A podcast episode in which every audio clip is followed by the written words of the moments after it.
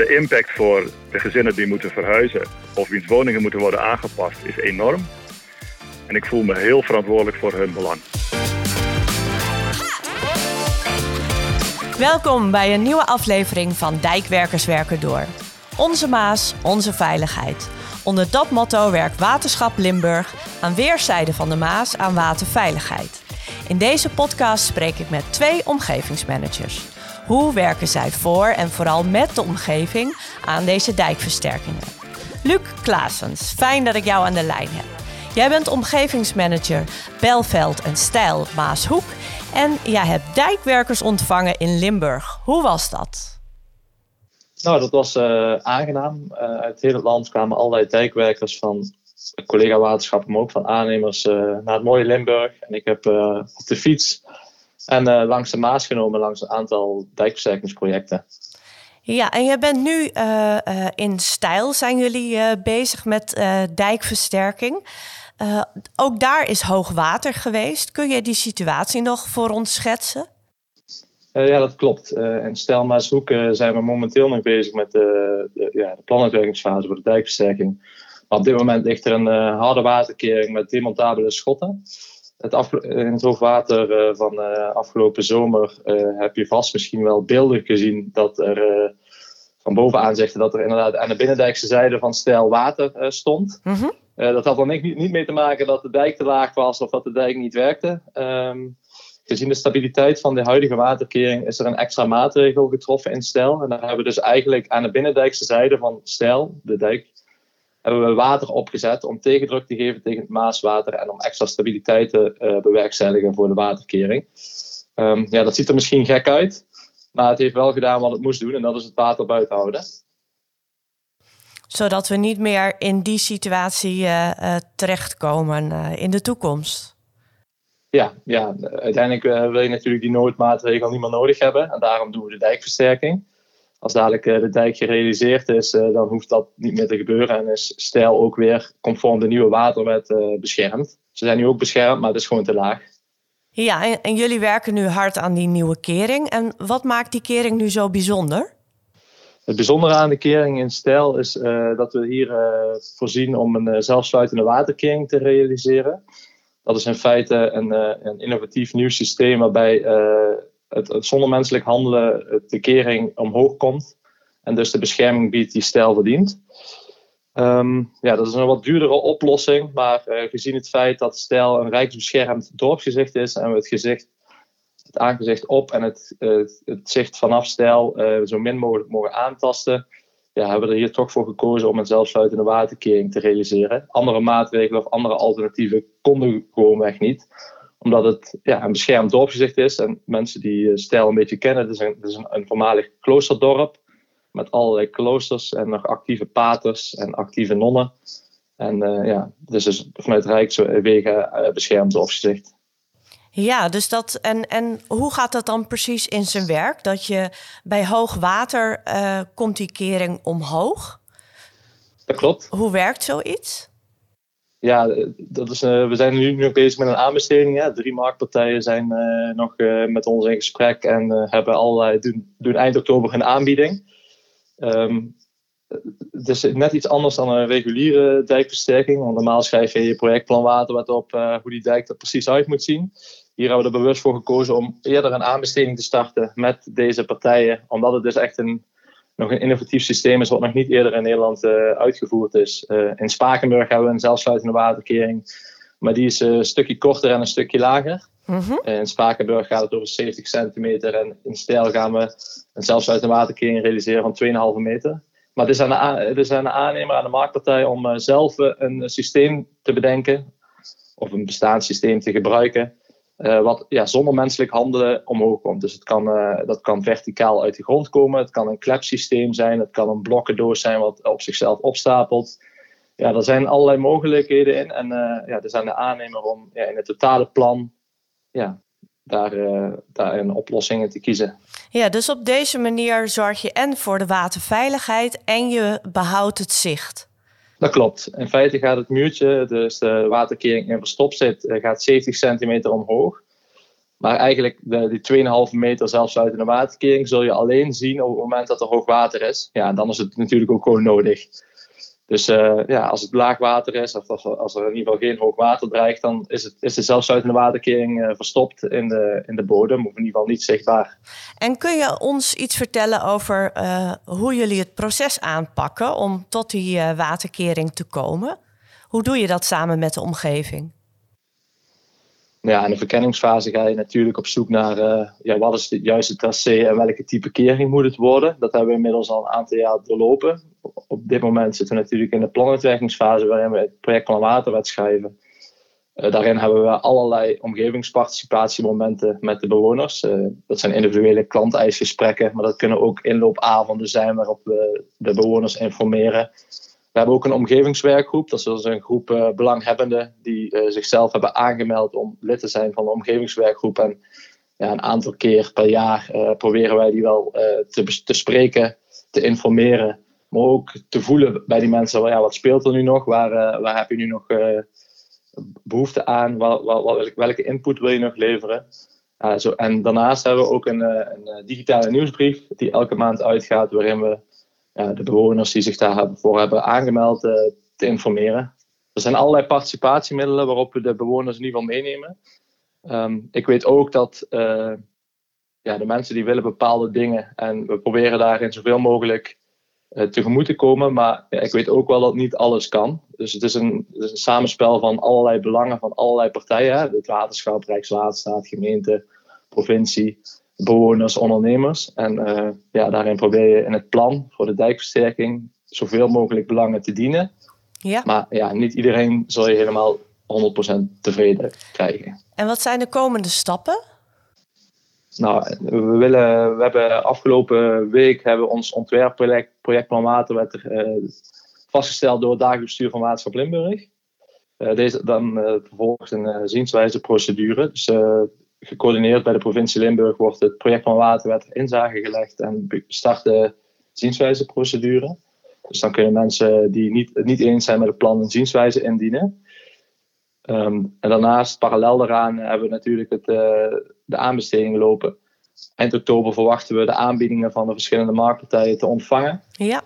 En uh, aansluitend zullen we aan een van de marktpartijen gunnen. Die mag het ontwerp voor de dijkversterking en het totale plan uh, verder uitwerken. Ja.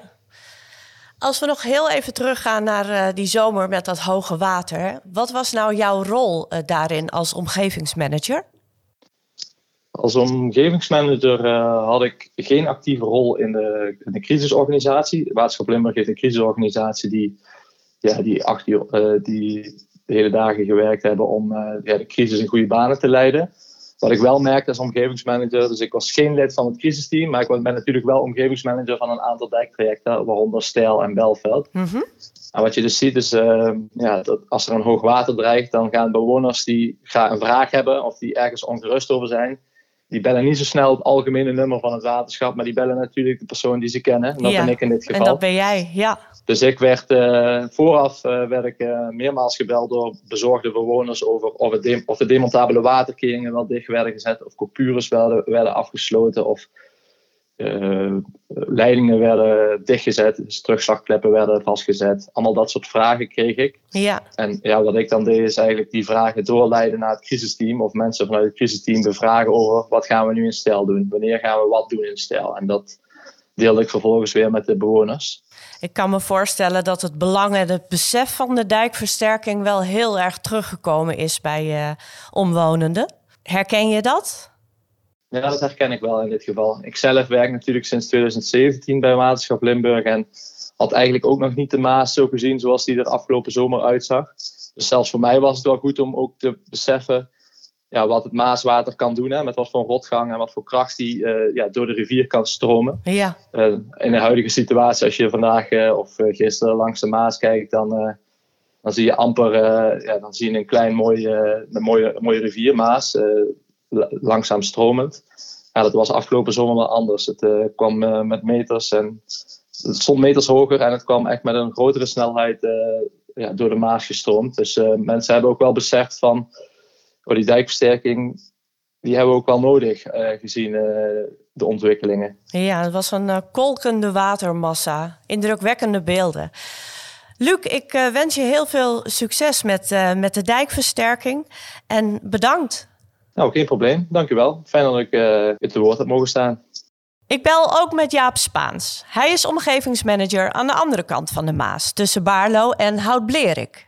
Jaap Spaans, jij bent van oorsprong hydroloog en omgevingsmanager bij eh, Waterschap Limburg. Welkom. Dankjewel. Jij bent betrokken bij dijktraject Baarlo-Hout-Blerik. En kun jij ons eens even uh, meenemen naar de westkant van de Maas en dat gebied schetsen? Ja, Barlo houdt Blerik, het zegt het al. Het, zijn, uh, uh, het is een gebied rondom twee dorpen. Barlo in het midden van het gebied waar we het over hebben. En Hout Blerik uh, helemaal aan de noordkant. Um, het is een gebied, een vrij groot gebied. Um, er ligt een dijk. Die dijk is gemaakt in 1995 na het laatste hoogwater. En deze dijk moet worden versterkt. En dat was de aanleiding om um, het met de omgeving te hebben over de dijkversterking. Maar er kwam nog heel veel meer bij gaandeweg. Want? Want Wat kwam erbij? Uh, toen wij in 2016, dat was de eerste keer, was de eerste keer dat wij in het gebied waren, toen uh, hebben wij aangekondigd dat we het gaan, gingen hebben over de dijkversterking. Um, er loopt ook een beek door het gebied, dus uh, uh, die moet worden verbeterd. Mm -hmm. um, en in december 2016 zei de minister: Ik wil ook heel graag dat jullie een dijkverlegging gaan uh, onderzoeken. En een dijkverlegging betekent eigenlijk dat je een bestaande dijk weggraaft, hem ergens anders neerlegt om de Maas meer ruimte te geven. Dat is niet niks. Nee, dat is heel heftig. Um, en zeker ook omdat dit bewoond, bewoond gebied is. Dus er wonen mensen, er wonen gezinnen. Uh, en het gebied waar we het over hebben, uh, en dat is een, een van de deelgebieden van dat hele programma Balo Hout Lerik. Uh, in dat gebied wonen 20 gezinnen, waarvan er straks misschien 13 weg moeten. Zo. die moeten ergens anders heen verhuizen. Dus dat ja. is inderdaad heel heftig. Ja. En ehm, hoe is dat in zijn werk gegaan? Hebben jullie daar van tevoren één plan voor gemaakt? Wat er gebeurde is um, um, in 2016, toen wij zeiden van nou, wij moeten ook een dijk gaan, uh, mogelijk gaan verleggen en verkennen. Toen zei de bevolking, nu hebben we het al over een dijk, we hebben het over een beek, we hebben het over een dijkverlegging. Maar er zijn ook nog uh, plannen geweest ooit eens een keer over een hoogwatergeul en weerverlagingen. En nou, al die plannen die zijn al jarenlang over ons heen gerold. Wij willen graag dat jullie gewoon nu één plan maken waar alles in zit. Uh, en niet dat we over tien jaar weer uh, geconfronteerd worden met uh, een volgend plan. Mm -hmm. en dat hebben we opgepakt. Um, en dat is uiteindelijk wat wij noemen een heel programma geworden. Met allemaal van dit soort deelprojecten. een beek, een dijkversterking, een gebiedsontwikkeling. En uiteindelijk is ook de gemeente gekomen. En die heeft gezegd van wij zitten hier in het laagterras van de Maas met het risico op uh, verloedering, hè, want er staan nogal wat gebouwen leeg. Wij willen ook heel graag deze, dit programma aanwenden om te bekijken of we ook gewoon de economie een handje kunnen helpen. Ja. En daarmee is ook er een soort van economische doelstelling uh, gekomen in het programma. Ah, oké. Okay. En, en in welke fase zit het project dan op dit moment? Op dit moment zitten we wat we noemen aan het einde van de verkenningsfase. Zo'n project heeft uh, drie fasen. Hè. Een verkenning, waarin je allerlei alternatieven onderzoekt en een keuze maakt voor een van de alternatieven. Nou, zover zijn we nu. Uh, volgend jaar start de planuitwerking. Uh, dan gaan we het echt ontwerpen detailleren. dan gaan we verder met de bewoners in gesprek over die gebiedsontwikkelingen. En daarna start de uitvoering. En die bewoners, die omgeving, zijn ze ook betrokken bij die verkenningsfase? Ja, de, de bewoners zijn intensief betrokken bij de verkenningsfase. Um, je ziet zelfs dat uh, uh, in het noordelijke deel, hè, dus daar waar die dijkverlegging plaatsvindt, nou, dat, dat, zijn bewoners. Van oudsher zijn dat, is dat een kastuinbouwgebied. nu staan er vooral woningen. maar dit zijn mensen die komen uit de streek. Die zijn hier opgegroeid. Die hebben daar hun ouders die hebben daar de kassen gehad. Ze hebben ze overgenomen.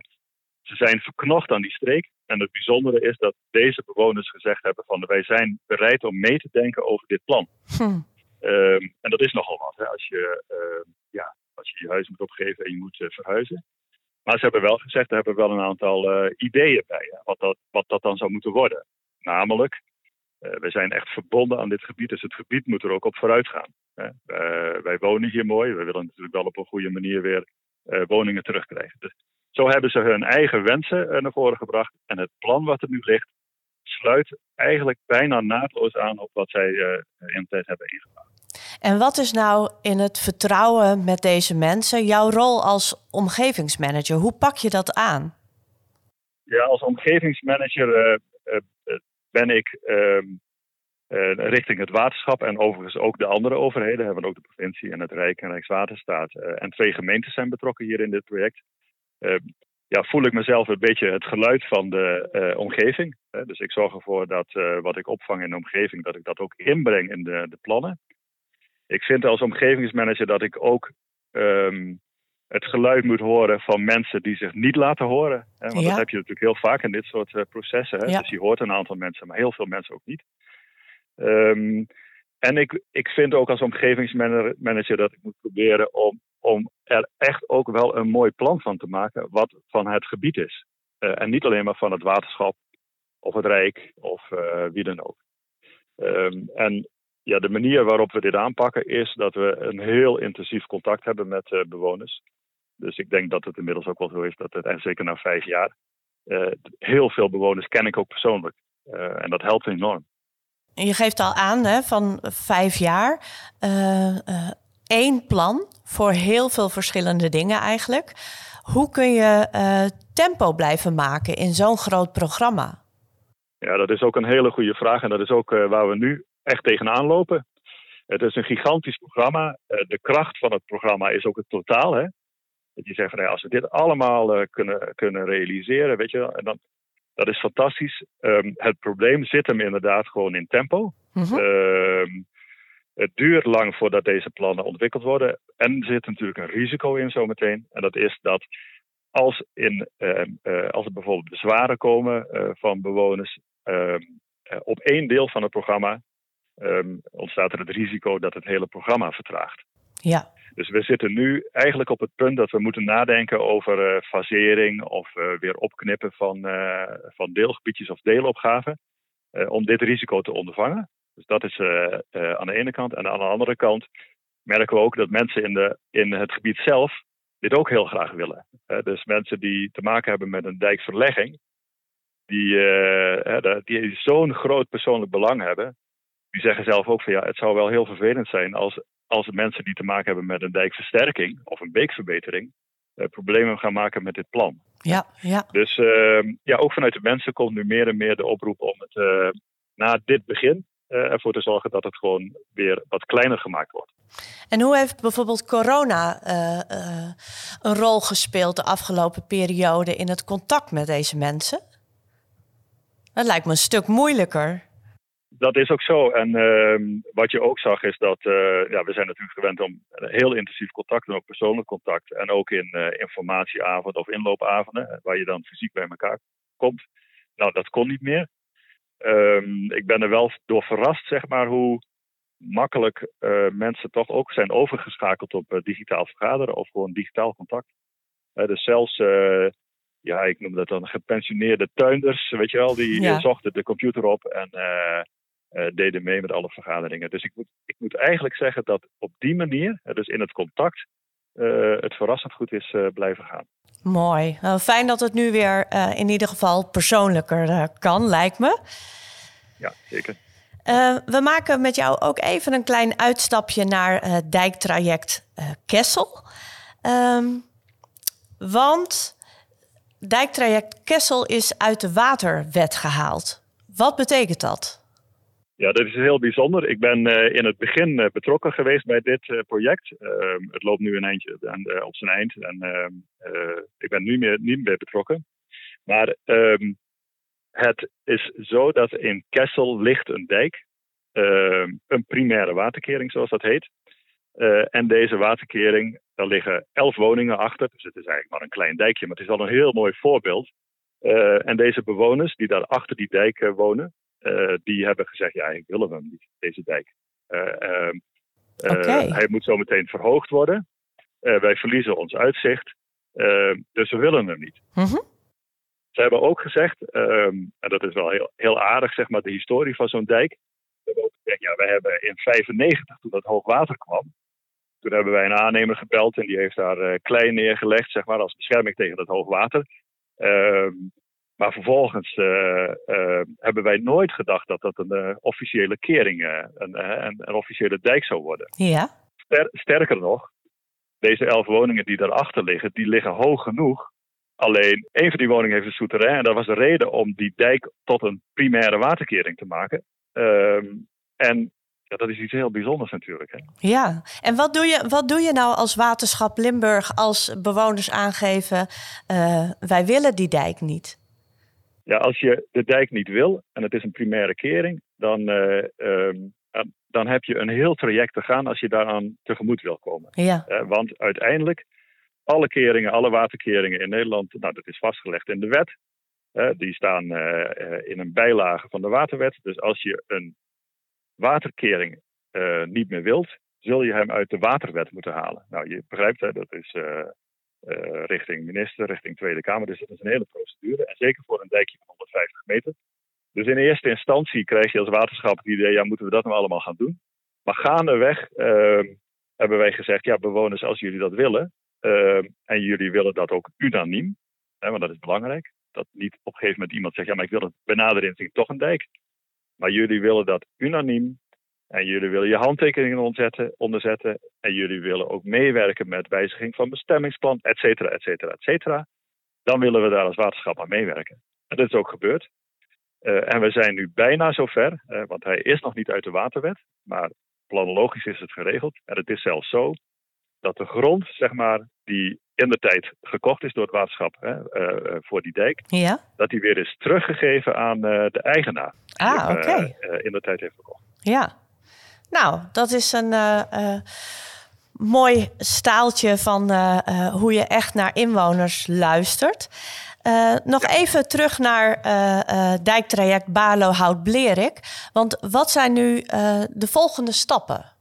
De, wat wij uh, op dit moment zijn wij uh, zover dat we de plannen ter inzage hebben gelegd. Ja. Uh, mensen die uh, hebben ze kunnen bekijken en hebben kunnen reageren. Dat was vorige week. wij gaan met deze reacties aan de gang. Dat wil zeggen, mensen krijgen antwoord. Um, voor een deel is dat uitleg. Maar het kan ook zijn dat we de plannen op onderdelen moeten gaan wijzigen naar aanleiding van deze zienswijze. Als dat voorbij is, dan komt er een formeel besluit door alle betrokken overheden. En dat besluit is, we gaan door naar de volgende fase. En daar hoort dan ook bij dat er afspraken gemaakt worden over de financiering. Um, en ook de afspraken over ja, wie gaat het project nou trekken en wat is nou ieders verantwoordelijkheid ja. van elke overheid. Nou, dat is uh, begin volgend jaar. En dan starten we met uh, de volgende fase en dat is de planuitwerking. En dan gaan we veel preciezer de dijken ontwerpen, of de beek verbeteren, of de kwelgeulen ontwerpen. En dan gaan we ook echt meer handen en voeten geven aan de, de twee gebiedsontwikkelingen in dit uh, project. Waarvan één gebiedsontwikkeling dus dat gebied is waar die dijken worden verlegd. En waar we ook op zoek moeten gaan naar uh, ja, nieuwe, nieuwe woongebieden.